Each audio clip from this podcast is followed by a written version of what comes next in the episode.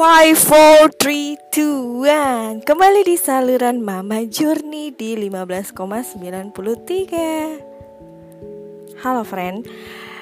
Uh, Gue di sini mau kenalin dulu. Perkenalkan di sini gue uh, lebih suka disebut sebagai Mama Journey. Di saluran Mama Journey ini gue akan sharing-sharing kayak ngobrol aja gitulah tentang apa aja yang penting mama-mama di luar sana itu bahagia. Hmm iya bahagia. Karena mama yang bahagia menghasilkan produk-produk yang pintar kreatif. Itu sih yang gue riset dalam diri gue serius loh kenapa sih podcast gue disebut sebagai mama journey?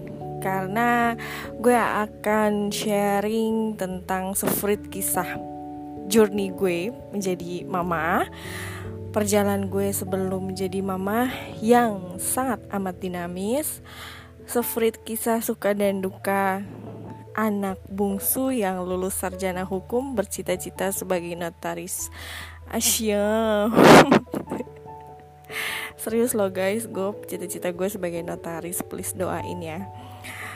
Uh, boleh banget loh untuk mama muda, anak muda, papa muda, anak SMP, anak SMA, boleh deh follow podcast gue ini ya.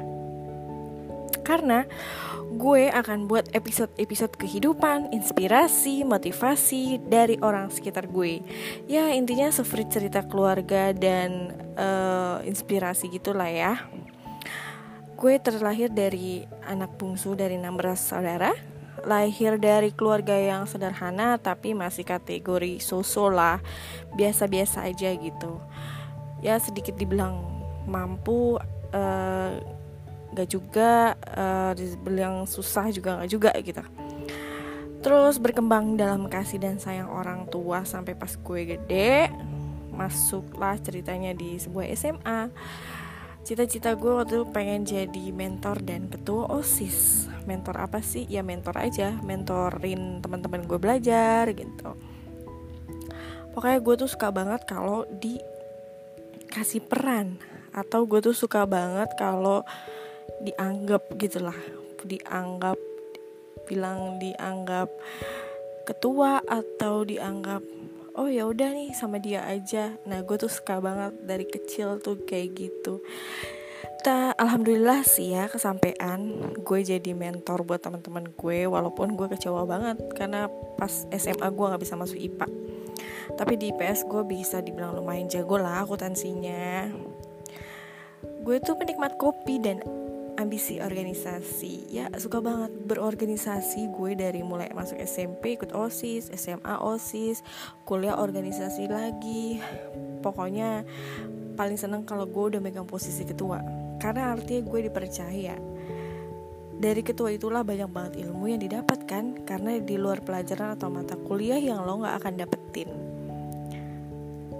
Nah sekarang nih uh, gue di episode pertama ini gue tuh akan ngomongin masalah pergaulan anak-anak sekarang nih karena gue kayaknya concern banget tentang anak-anak sekarang tuh lebih tepatnya kayak kehilangan jati dirinya dia ya. Karena apalagi di era sekarang yang sekarang udah masuk serba digital gitu loh dan pula mereka belajarnya via online mereka nggak kayak nggak punya ngerasa kompetitor gitu. Paham gak sih? Kayak dia tuh biasa aja gitu namanya juga sekolah online dia nggak punya rasa kompetitor sama teman-teman lainnya gitu. Karena menurut gue nih kayak ngomongin fase anak-anak SMA itu itu jadi gerbang atau awal seseorang mau jadi apa atau ke mana. Setuju gak sih? Ya kan karena gue termasuk yang beruntung karena gue memilih masa SMA gue benar-benar dipakai hal-hal positif yang membuat gue belajar bertanggung jawab mengelola anggota-anggota gue yaitu pada saat gue jadi osis gue uh, diminta dan dituntut mengelola emosi um, dihadapkan bicara dengan pembina-pembina dan guru-guru. Maka dari gue bilang masa SMA tuh penting banget untuk penemuan jati diri lo. Lo nanti mau jadi apa? Lo kalau mau receh receh dari SMA deh. Karena nanti kalau udah kuliah lo nggak akan bisa men. Gitu.